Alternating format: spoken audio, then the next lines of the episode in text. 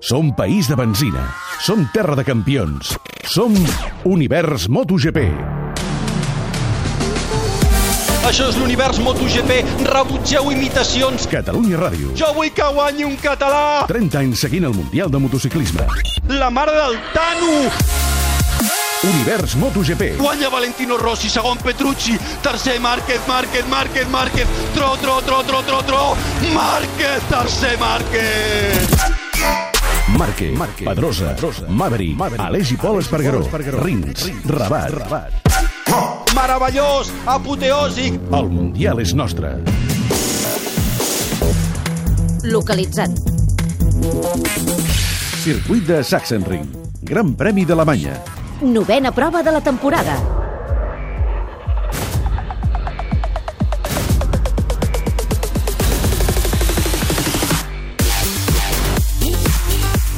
I al final el Marc somriu, perquè és a Sachsenring, com si fos a casa. Aquí ha guanyat els 7 últims anys de manera consecutiva. 7 de 7, amb 8 de 8 en pols. Absolutament increïble. I li arriba a Sachsenring en el millor dels moments, perquè no és habitual que Marc Márquez aixequi la veu contra el seu equip, contra Honda. A Assen, la setmana passada, després de veure que la Yamaha de Rossi li passava la mà per la cara, va ser contundent i va dir fins l'any que ve, res de res. El Marc veu com els altres progressen i ells no, i Honda li ha respost que no n'hi ha per tant i que segur que a Sachsenring les coses milloren. Honda s'ha de posar les piles, perquè després què? Torre de control, David Clopés. Bona tarda i benvinguts a Univers MotoGP, novena prova de la temporada des de Sachsenring, des d'Alemanya. Avui arribem a l'equador de la temporada i marxem de vacances. Nou curses, meitat del Mundial. Serà bon moment per posar notes, per saber qui té opcions reals pel títol. Un Mundial apassionant. Els millors dels últims temps són al capdavant del Mundial. Els quatre primers només separats per 11 punts i dos són catalans. I no ens oblidem del Dani Pedrosa, que és a 28 punts del líder amb opcions reals. I és que som països de benzina, som terra de campions, som Univers MotoGP. Pole position, Damià Aguilar. Bon dia des de Sachsenring, 20 graus de temperatura ambientals, amenaça pluja. Paddock, Oriol Rodríguez. Ja s'han disputat dues curses en Moto2. Victòria per Morbidelli per davant d'Oliveira i Banyai amb caiguda d'Àlex Márquez. En Moto3, la victòria per Joan Mir per davant de Fenati de Ramírez. Centre de dades, Ramon Salmurri i Xevi Soler. Final del Rally de Pelònia amb victòria de Terrina Vil per davant de Hayden Paddon i Sebastián Ogier. A partir de les dues partit pel tercer i quart lloc a la Copa Confederacions Portugal-Mèxic amb Cristiano Ronaldo ja de vacances. Pit Lane, Sergi Camps. Entre els comentaris sobre la cursa a Twitter amb el hashtag Univers MotoGP, Univers MotoGP, sortegem una estada per a dues persones al complex turístic esportiu Berga Resort.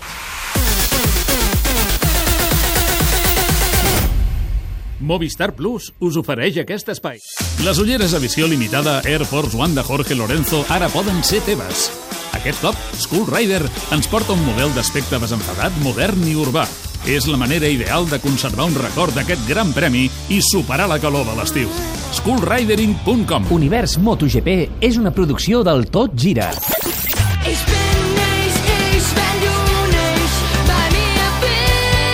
Som país de benzina. Som terra de campions. Som Univers MotoGP.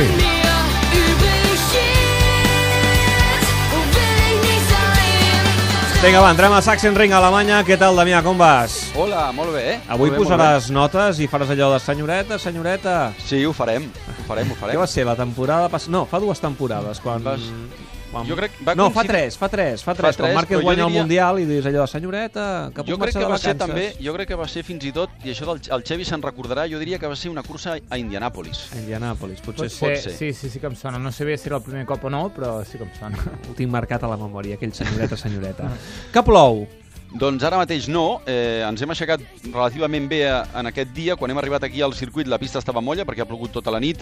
Els dos primers warm-ups s'han fet amb la pista molla. Els de MotoGP ja han pogut fer el warm-up en condicions, pista freda perquè ha fet fred al matí, però almenys pista seca. I les dues primeres curses sense pluja i ara fa la sensació que, que hi ha certs núvols que comencen a ennegrir-se una miqueta per aquí sobre. Mm, veurem si és passada per aigua o no aquesta cursa, si ser els oficials i evidentment la pluja marcarà aquest gran premi d'Alemanya. Lluís Costa, què tal? Hola, bon dia, com, Com va? vas? Bé, cansat, però bé. Estàs trist perquè avui ens aturem fins a l'agost? Estic, estic trist, per això, per aquesta raó, i perquè ahir vaig tenir una cursa de motos clàssiques i És no, veritat no la vaig poder has, córrer. fet, has fet un cap de setmana amb, amb, amb, 15. amb, amb moltes coses. Amb... Sí, i ahir vas fer una prova de resistència, ahir va ser? No, no, el divendres vam trencar Divendres. canvi, divendres vam tancar canvi als entrenaments i no vam córrer la cursa, una On cursa era, on que, era a Castellolí, al circuit per motor i no vam córrer, eh, i bueno, vaig anar directament a la boda. I, Ah, tenies bueno, un casament, també. Tenia un casament del meu millor amic, al qual era, jo era testic, i bé... Testimoni, sí. Testimoni, perdó. Eh, és, que, és que era la conya, ahir era la conya aquesta del... Ah, val. testic, perdó. Testic i alguna més. testic amic era la conya, era el hashtag testic amic. Aleshores, eh, res, estic cansat, però he complert, he fet les notes, he fet Totes les revés, dades, tot eh? escrit, he dormit Sí, dues perquè hores... però avui estic al a Lluís li demanarem, quan s'acabi la cursa, com que marxem de vacances, i el Mundial també marxa de vacances fins a principis d'agost, li demanarem que, com a professor Costa, posi les notes eh, d'aquesta primera part del Mundial, perquè avui arribem tot just a l'Equador. I com que arribem a l'Equador, faríem bé, Oriol, de repassar com està aquesta classificació del Mundial i veure com han anat les coses a uns i a altres, els grans candidats al títol mundial. Mira, Dovizioso és líder del Mundial amb 115 punts eh, a la general, 4 més que Viñales, que en té 111, Rossi en té 108 i Márquez 104. Per tant, només 11 punts del primer al quart classificat. A partir d'aquí, Pedrosa encara té opcions, evidentment, perquè en té 87 a 28. Zarco, amb 77 a 38, ja està una mica lluny, a 6è, mentre que Lorenzo, per exemple, que és 8è, darrere Petrucci, amb 60 punts a 55, ja comença a tenir molt i molt complicat. Si mirem l'evolució dels grans candidats al títol, veurem que, per exemple, zeros eh, n'han fet tots. Sí, Dovizioso 1, Viñales 2, Rossi 1, Márquez 2, Pedrosa 2, i això és curiós, eh? perquè si comparem amb altres temporades que ha fet el campió del món, veiem que l'any passat Márquez només va fer un 0, va ser campió, Lorenzo fa dos anys només un 0, Márquez el 2014 un 0, el 2013 Márquez un 0 i aquell Black Flag d'Austràlia, que aleshores hi va sortir la desqualificació. Lorenzo 2012 va fer dos zeros, un a València, que ja era l'última cursa, Aston era el 2011 un, Lorenzo el 2010 cap, Rossi un el 2009, i el 2008, per exemple, Rossi a cap, Aston era el 2007 cap. Dels, dels cinc primers, dels cinc primers, Dovizioso i Rossi són els únics que només han fet un 0. Els Clar, altres almenys n'han fet dos. Això vol dir que aquest any, tal i com van les coses, com a mínim, el campió haurà fet, tal com van les coses, dos o tres zeros, amb la qual cosa això no ho trobem en tota la I, història I de, qui ha guanyat més curses? No és el líder, o sí? No, uh, Viñales ha guanyat 3, no és líder, Dovizioso n'ha guanyat dues, Rossi, Márquez i Pedrosa se'n reparteixen una.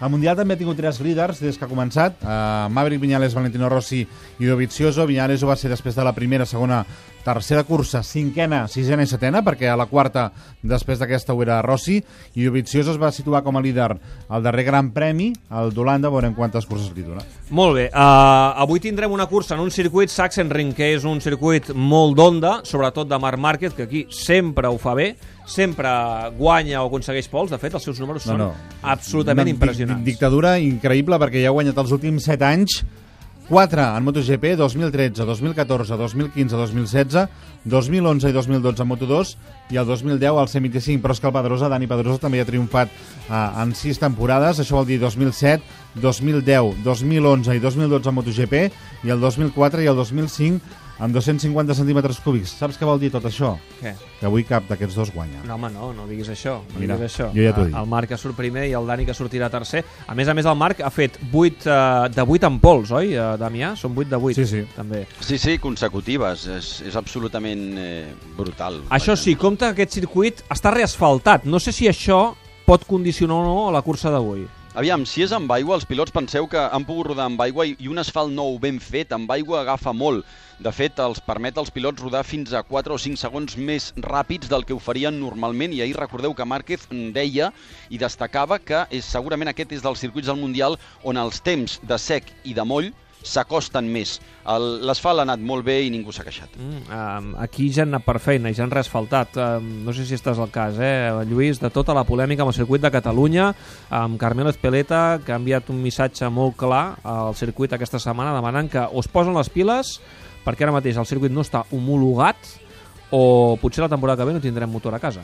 Estem al cas, eh, és un tema preocupant, eh, però, però tampoc s'entén gaire perquè han fet, el, que el, el circuit de Catalunya ha fet el que els pilots demanaven, s'ha fet, mm, el circuit, els pilots no es van queixar en el seu moment, eh, quan van arribar al Gran Premi hi havia alguns pilots que no havien entrenat els entrenaments previs a la cursa, dues setmanes És abans. a dir, han pujat el llistó A, a, al circuit, molt, moltíssim. De fet, ahir Rossi també va disparar contra el circuit i dient el Sí. que digui Carmelo Espeleta va a missa i si ell diu que aquest circuit no està en condicions, no està en condicions. A veure, és, sí que és cert que la seguretat és uh, el primordial, però també el circuit, el que, era, el que és el circuit de Catalunya, mm, perd molt amb aquestes xicans. A mi personalment no m'agrada, canvia, canvia molt el circuit.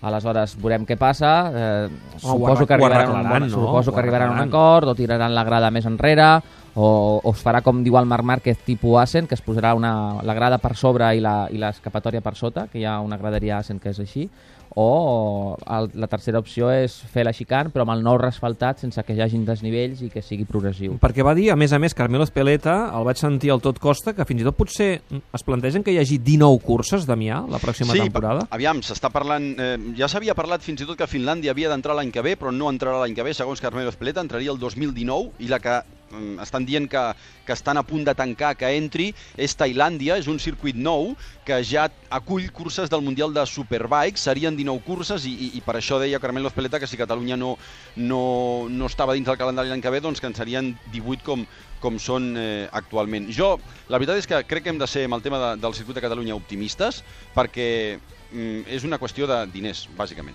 Tant de bo que s'arregli que- i, evidentment, no marxi de cap de les maneres el motor de casa nostra.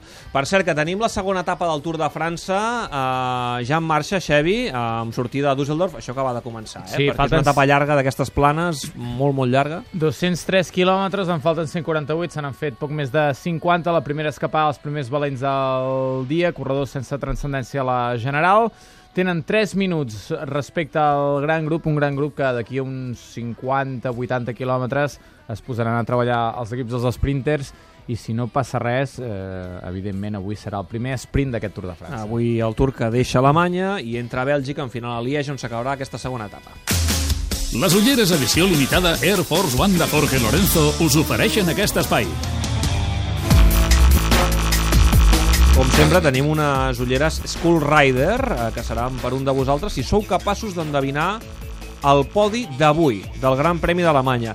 He de dir que els últims grans premis, els últims univers MotoGP, ningú ha encertat el podi perquè estat complicat. Eh? Clar. En Petrucci, per exemple, de protagonista. Hi ha hagut el podi. caigudes de Maverick, caigudes també de Marc Márquez, que, que han fet que, que des de zero del podi. Si no ho encerten, sempre fem un sorteig pur i aleshores, entre tots els que participeu a la porra, sortegem unes ulleres que avui quin model són? Avui són unes ulleres Skull Rider model Air Force One, un model que combina el color blanc i el color blau. Fa molt, fan molt d'estiu, són unes ulleres que, que es podien lluir perfectament a la platja i les podeu aconseguir, com deia el David, entrant al Facebook del Tot Gira i al Twitter del Tot Gira i mirant d'encertar el podi. Recordem que el podi es pot mirar d'encertar abans que comenci la cursa. Un cop comenci la cursa, tanquem les votacions perquè, si no, hi hauria un avantatge per uns concursants que d'altres no tindrien. Oriol, què ha passat avui a Moto2 i Moto3? Àlex Márquez, eh, ha caigut a Moto2. Sí, ha caigut i se li complica el Mundial perquè queda 60 punts de, de Morbidelli a la general. Morbidelli 173, Márquez 113. Aquesta és la general de, de Moto2 pel que ens interessa a nosaltres. Morbidelli avui una nova victòria del líder del Mundial amb un frec a frec amb Oliveira. Està capaç d'aguantar les embestides del pilot portuguès. Per tant, victòria per l'italià per davant d'Oliveira i de Banyaia. I a Moto3, com sempre, final frec a frec amb victòria de Joan Mir, el líder del campionat, per davant de Fenati, de Marcos Ramírez, un pilot de Cádiz, que he sentit que el Damià deia que per primera vegada pujava al podi aquesta temporada i a la seva trajectòria. Ah, A el la- és més líder, eh? El pilot Sí, sí, balear. 37 punts sobre Fenati, 165 a 128, Aaron Canet amb 110 a 55 del Balear. El Damià ha parlat, després de la cursa de Moto3, amb aquest pilot de Palma, amb el Joan Mir. Joan, com estàs? Muy bien. Felicitats, la cinquena ja, eh? Eh, sí, sí, sí, sí, sí. Com ha anat? Aquesta vegada no t'has deixat sorprendre, tot i que el grup era... éreu poquets per lluitar per la, per la victòria. Sí, a, a mi sabia que tenia que obrir un, un grup petit perquè escapar-se era... És molt difícil el tema aquí de Moto3, de rebufos i tot això, però, però bueno, és, he vist que, se m'escapa, que, que venien en jo uns 5 pilots, i bueno, és una bona senyal, he tirat un poc més, m'ho han quedat els més ràpids, eh, i, i bueno, a partir d'allà era gestionar el millor possible el final de carrera, i content de com ha sortit després de l'espineta clavada a tornar així en el món de vacances així no té preu. Sabies o has sabut en algun moment que Canet no continuava? Uh, no, no ho he sabut, tampoc estic molt pendent d'ell realment, uh, anava a fer la meva carrera, si, si ell venia en jo, pues bien, i, i bueno, s'ha caigut mala sort i cada, les carreres són així, no? Te'n vas de vacances amb 37 punts, que déu nhi no? N'hi ha, n'hi ha, són, però no són suficients, uh, tenim que, que seguir així, fent carreres d'aquestes, i, i segur que sortirà. Felicitats. Gràcies. Les ulleres a visió limitada Air Force One de Jorge Lorenzo us han ofert aquest espai. 15 minuts i les dues, repassem la graella de sortida del Gran Premi d'Alemanya. Tercera fila. Novè, Valentino Rossi amb Yamaha. Vuitè, Aleix Espargaró amb Aprilia. Setè, Pol Espargaró amb KTM. Ha estat la millor classificació de l'any pel Pol, pel que fa a l'Aleix, creu que té el millor ritme de la temporada i per Rossi pot ser una cursa de salvar el màxim de punts possibles. Segona fila. Sisè, Jorge Lorenzo amb Ducati. Cinquè, Jonas Folger amb Yamaha. Quart, Cal Crutchlow amb Honda. Lorenzo ha superat d'entrada el seu company i líder Dovizioso. La graella, el mallorquí, ha trobat la forma de pilotar la Ducati en aquest circuit. Primera fila. Tercer, Dani Pedrosa amb Honda. Segon, Danilo Petrucci amb Ducati. Pedrosa sap que té una opció de victòria avui, però l'escull principal és Márquez. Petrucci, en canvi, signaria el podi. Pole position. Marc Márquez amb Honda. Vuitena pole position consecutiva al Sachsenring, la quarantena que fa MotoGP, la que fa 68 de la seva carrera esportiva, és un rècord mundial. És el màxim favorit a la victòria, pot marxar de vacances donant un cop de puny als seus rivals directes. De El manera figurada. del darrere. Desè, Andrea Dovizioso amb Ducati. 11è, Maverick Viñales amb Yamaha. 22è, Alex Rins amb Suzuki. 24è, Tito Rabat amb Honda. Fa un any a l'univers perquè el Mundial és nostre! Semàfor a punt! Comença MotoGP, Marc Márquez des de la pole position, amb Barberà i amb Valentino Rossi, qui arriba primer. Valentino que agafa la directa, es posa per endavant, segon Marc Márquez, tercer és Andrea Dovizioso. Ara mateix Andrea Dovizioso que agafa la primera posició per la inseguretat de Valentino Rossi i Danilo Petrucci que acaba de superar també el seu compatriota. Les dues Ducati al davant, se surt Márquez, s'ha sortit Marc Márquez i l'avança fins i tot Janone. Marc Márquez que cau més enllà de la desena posició. Les mans al cap, les mans al cap d'un dels mecànics australians de Valentino Rossi. Entra Pedrosa a canviar de moto, les mans al cap del mecànic més alt de Valentino. Se l'ha vist clarament. S'estan lamentant que Valentino no ho ha vist. Valentino està absolutament Encegat, encegat amb Andrea Dovizioso i estan perdent la cursa. The King of the Ring perquè ring és circuit i anell i tot quadra amb el tro de Cervera, sempre quadra tot amb el to de Cervera, falten 6 voltes, Márquez és a un segon i escaig en el moment que es posa líder i supera Jack Miller, el tro de Cervera supera Jack Miller, follow de líder, el tro de Cervera, follow de líder, el tro de Cervera, Márquez entra a final Sant Crist, entra a final Sant Crist, guanya Márquez, guanya Márquez Alemanya, guanya el tro de Cervera i serà segon, serà segon que el Crutchlow, que el Crutchlow, el senyor de l'atac de gota i la tercer, Dobi, Dobi tercer, Dobi tercer. Trending GP. Com cada setmana entre els comentaris sobre la cursa a Twitter amb el hashtag Univers MotoGP sortegem una estada per a dues persones a Berga Resort. Ja ho sabeu, aquest complex turístico-esportiu amb un eh, bungalou totalment equipat, accés a les pistes poliesportives, a l'espa, al gimnàs... Hi ha, de Digue'm. tot, hi ha spa, eh, també. Hi ha spa, gimnàs, pistes poliesportives, de tot i més. Hem penjat una foto al nostre Twitter, arroba tot gira, perquè veieu una panoràmica de totes les instal·lacions de Berga Resort. I, com us dic, per aconseguir aquesta estada per a dues persones, missatge sobre la cursa a través de Twitter amb el hashtag Univers MotoGP, com ha fet l'Anna, que diu Márquez avui continuarà retallant punts, som-hi tro. El Jaume Rius, Maverick no pot fallar més, ara bé que hagi fallat, ens va bé per viure una lluita Márquez-Viñales, i el Xavi Fort, Márquez i Maverick van fent, però Rossi va en silenci sumant punts. També la gent del motor que ha fet tuits aquest cap de setmana, en destaco un, el de Marc Márquez celebrant la pole position, ha penjat un vídeo donant-se la mà de forma afectuosa amb Danilo Petrucci. Eh, els dos van lluitar per la pole position ahir, va guanyar Márquez, però en acabar aquesta lluita els dos eh, van fer aquest gest d'esportivitat a sobre de les motos. Has estat mai en un resort? Bé, al Berga Resort. Eh? On què? Si has estat mai al Berga Resort, on pots viure en un bungalou, entrar i sortir del Wellness Center, banyar-te i nedar en piscines per tots els gustos, disposar d'un servei fantàstic... Jo no, i tu? Sí, però junts serà diferent. Ah, i on és? A Berga, i anirem per la C16 i el quilòmetre 96 agafarem la sortida 95 Berga Sud i ja hi serem. Molt bé, i anirem tota la família. Xarxa de concessionaris i Hyundai de Catalunya patrocina aquest espai. Moments universals.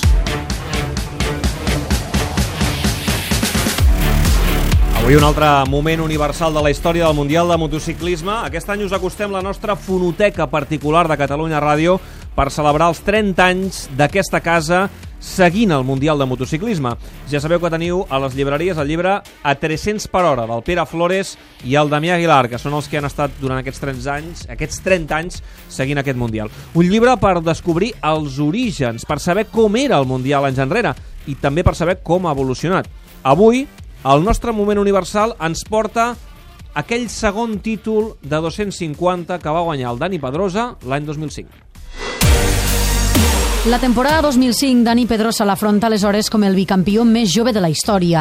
Tenia un títol de 125 i defensava el de dos i mig. Va ser una temporada ben diferent a l'anterior. En primer lloc, perquè va aparèixer en escena un jove i rebel Jorge Lorenzo, amb el qual va començar a tindre enfrontaments palesos a la pista i a fora. I també perquè el seu rival directe va acabar sent Casey Stoner. El títol el guanya el català a Austràlia, aprofitant una caiguda del pilot local, però només li valia la victòria i li pren a Sebas Porto per 27 mil·lèsimes. Les curses han sigut més difícils, han estat més competides i el pòdium pues, sempre ha estat més car. Ha sigut més difícil lluitar a la pista amb, amb aquests pilots perquè no... l'any passat pues, érem tres o quatre pilots els que estàvem endavant i el dia que ho feies malament pues, acabaves quart però bueno, aquest any hi ha més pilots i era sempre, des del dia que feies millor al dia que feies més malament pues, era més fàcil perdre més punts o guanyar-ne molts. Són set victòries d'un total d'11 podis en 16 curses. El ventall d'esdeveniments d'aquella temporada s'amplia amb una lesió que es va fer al Japó. S'havia trencat parcialment el cap de l'húmer i a Malàisia va caure en cursa perquè no tenia força. Ho va mantindre en secret. No podia dir-ho perquè tenia por que no em deixessin córrer tenia por a que l'equip eh, entrés en, a pensar massa sobre que, que si no estic bé i tal, que els rivals encara aprofitin més la situació del que ja la van aprofitar. Una setmana després a Qatar acabaria quart, però va tindre 15 dies per recuperar-se i guanyar a Phillip Island el tricampionat. El de Castellar, però, tenia un mal regust. Fins que va acabar la cursa de Malàisia, eh, no creia que tanta gent del paddock parlo, perquè la gent a Espanya crec que estan molt contents, i a Catalunya, eh, dic del paddock, tingués tantes ganes de que no guanyés. Va ser un any molt intens per a Dani Pedrosa, que tindria encara un altre front obert, la negociació del seu fitxatge pel Repsol Honda de MotoGP de cara al 2006. La informació es va filtrar al maig i van ser molts mesos d'especulacions fins que es va confirmar oficialment. Has vist la nova? Li demanaré el Facebook, els dos mesos al WhatsApp, després d'un any l'Instagram, un any de likes i al febrer li dic si vol quedar. Gran pla, oi? A la vida ja ens esperem massa. No t'esperis per tenir un Ford Focus. Només el juliol per 13.500 euros. Finançat amb FC Bank. Condicions a Ford.es. Prova-la a la xarxa Ford de concessionaris. Xarxa Ford de Catalunya. Onda Tauler, concessionari oficial Onda Barcelona, us ofereix aquest espai. Lluís Costa, la veu de l'asfalt. 7 minuts i començarà la cursa de MotoGP, l'última abans de marxar de vacances. Recordeu que tornarem ja el 6 d'agost des de la República Txeca, per tant, un meset ben bo per tancar aquesta primera part de, del Mundial. A veure, Sachsenring és Márquez, Lluís, però per què? Per què li va tan bé? Bueno, però jo penso que és pel tipus de traçat, amb curves d'esquerres eh, que li encanten, o sigui, que són més per derrapar amb la moto, sortint de creuat. Eh, hi ha pilots que es troben eh, sempre bé amb aquest tipus de curves, tipus dir track, és una disciplina que li agrada molt al Marc Márquez i aquest circuit té tantes curves d'esquerra que li és molt més fàcil i és molt més eh, ràpid. O sigui, m'estàs dient que pel fet de ser un friki del dirt track i anar sempre, per tant, voltant d'esquerres, se li donen més bé els circuits que giren més d'esquerra. Totalment d'acord. Carai, curiós, eh? Ah, I és un circuit molt ràpid, oi? També? Bueno, és un circuit... Eh, és curt, és molt curt, hi ha molt Curt, poca diferència amb els, amb, els, amb els pilots eh, respecte al primer, respecte al segon, però eh, té un parell de corbes ràpides, mm, concretament la, la 8 i la, i la 11, eh, que són extremadament ràpides, i, bueno, a mi personalment el circuit no, no em va agradar gens. Al, al Marc sí que li agrada, perquè evidentment sempre hi guanya, però se li dona també molt bé a Honda, perquè fixa't, avui a la graella, primer Márquez, tercer Pedrosa i quart Crutchlow, no amb Honda oficial, però sí amb una altra Honda. Sí, va ser una cursa... Ai, perdó, va ser una Q2 eh, totalment en aigua. Eh, la pista té molt de grip, és una... Bueno, estan a 6 segons punt 9 de, de la volta més ràpida de sec a la volta més ràpida amb aigua. Eh, Marc Márquez va amb el cols a terra, és una, no ho havia vist mai, i sembla que l'Honda li és més fàcil anar més ràpid a aquest circuit. Mm. I les Yamaha, tot el contrari. Eh, Dovizioso amb Ducati i les dues Yamaha eh, els ha anat molt malament. Creus que podran remuntar? Jo estic convençut que si la curva és amb sec, el Maverick recupera perquè tenia molt, molt ritme a, a les, als entrenaments lliures a l'1, el 2 i el 3. Uh, Rossi també, no, no tan destacat poder com Maverick, però també anava més ràpid. I amb aigua ha sigut un desastre per Maverick. Rossi uh, es va dormir una miqueta, després va posar pneumàtic nou, va sortir quan quedava un minut i pico a, a la crono, a la Q2, i va poder assolir una posició número 9, però les curses amb aigua són, són curses de confiança, de, confiar en el pneumàtic davant i el darrere. I aquí mm, tothom està anant ràpid, per tant serà una cursa que si és amb sec eh, tindrem un gran espectacle. Si plou i es fa un flag to flag hi haurà una, una, un bon merder. A veure, Meteoman, Damià, plou ara o no? No, no, no, ara mateix, ara mateix no plou. Estem- L'Oriol està revisant també tots els radars, eh? No, de no, l'Alemanya. estem- de, de, de moment no hi ha pluja als voltants del circuit ni... Sabrà abans l'Oriol que plou Ni s'acosta. que tu que hi ets aquí. Ah, és, que pot, és que pot ser que comenci a ploure en un lloc on, on en una altra secció del circuit que no sigui la Sí, meva posició, el radar que no és posa pluja, just Damià, al davant de la, de la recta principal. De moment el radar no posa res. Més enllà que les Yamaha no hagin fet bons oficials, jo m'interessa molt, avui, Lluís, que m'expliquis què li passa a Maverick Viñales. Perquè les coses no li estan anant bé i des d'aquell inici tan bo en el Mundial mm, no li van anar bé les coses a, a Catalunya, on va sumar només eh, 6 punts, va caure a Assen eh, per aquell afany doncs, de poder remuntar, ell mateix ho va admetre que es va equivocar. Està nerviós? Jo crec que no, són, són, diverses són diferents variants el que ha passat.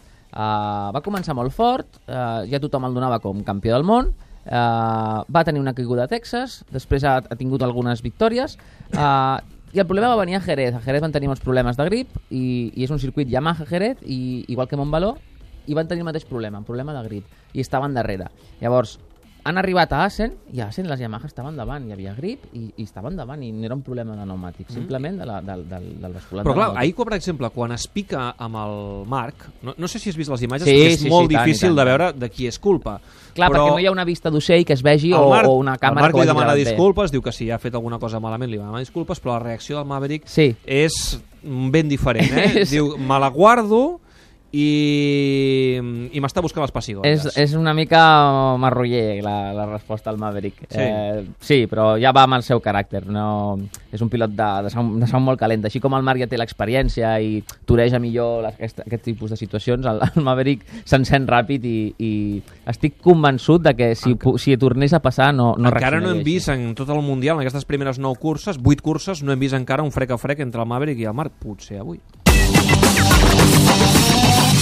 Onda Tauler, diagonal cantonada Passeig de Sant Joan a Barcelona, us ha ofert aquest espai.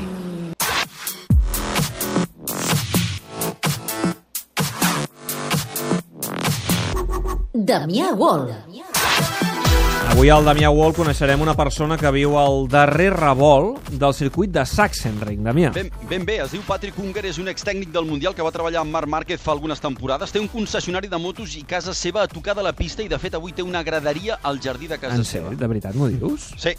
O sigui, el, el jardí de casa seva eh, té una petita graderia, va estar allà enganxat al circuit. Que fort. T'ho puc, puc jurar, perquè a més a més he fet Sí, no, no, no. Aquest circuit està envoltat de, de cases particulars, és així, és com si fos urbà, pràcticament, eh? Sí, cert, i per aquesta raó hi ha una reglamentació molt estricta antisorolls i només permeten que hi hagi activitat de curses 10 dies l'any. L'Unger ens explica que aquest és el preu que han de pagar per tenir cursa de MotoGP al Sachsenring.